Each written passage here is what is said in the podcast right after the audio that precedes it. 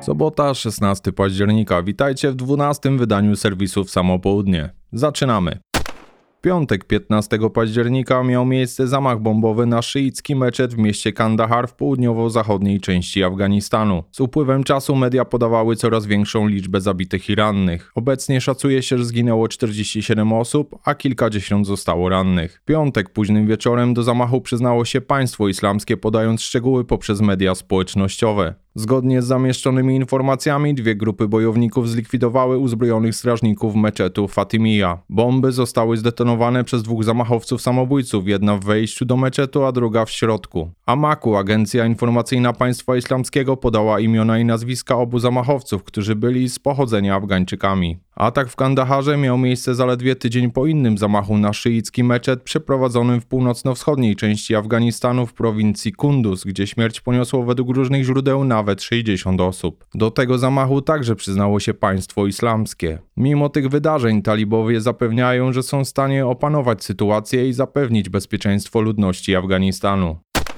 Silniki benzynowe odchodzą powoli do lamusa i promowane są samochody elektryczne. A co z bronią? Jeżeli szukacie nowinek, to musicie wiedzieć, że już dzisiaj można zakupić funkcjonalny karabinek Gaussa. Mowa o Gear 1 Anvil firmy Arc Flash Labs. Firma ogłosiła niedawno możliwość składania zamówień z zakładanym czasem realizacji wynoszącym około 6 miesięcy. Wersja produkcyjna ma moc 1000 W i jest zasilana ogniwami litowo-polimerowymi 6S, wystarczającymi na oddanie około 40 strzałów. 8 kondensatorów zapewnia wystrzeliwanie stalowych pocisków o średnicy od 10 do 12 mm z prędkością 75 m na sekundę i energią 85 J.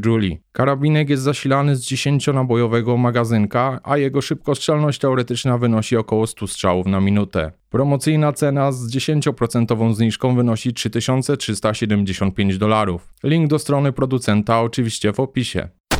Strike Industries wprowadziło do swojej oferty nakładki do układania kabli na łożu przed nim karabinka z systemem M-Lock. Nakładki w dwóch długościach i różnych wersjach kolorystycznych umożliwiają łatwe i skuteczne zabezpieczenie przewodu włącznika chwilowego latarki czy puszki laserowego wskaźnika celu montowanych na broni długiej. Produkt nosi nazwę CMS, co jest skrótem od Cable Management System. Oprócz wspomnianej głównej funkcji pokryte antypoślizgową fakturą nakładki CMS zapewniają także lepszy chwyt broni i zapewniają dodatkową ochronę jako dystanser pomiędzy dłonią strzelca i rozgrzaną lufą. Link jak zawsze znajdziecie w opisie. To tyle w dzisiejszym wydaniu. Zapraszam na kolejne wiadomości już jutro.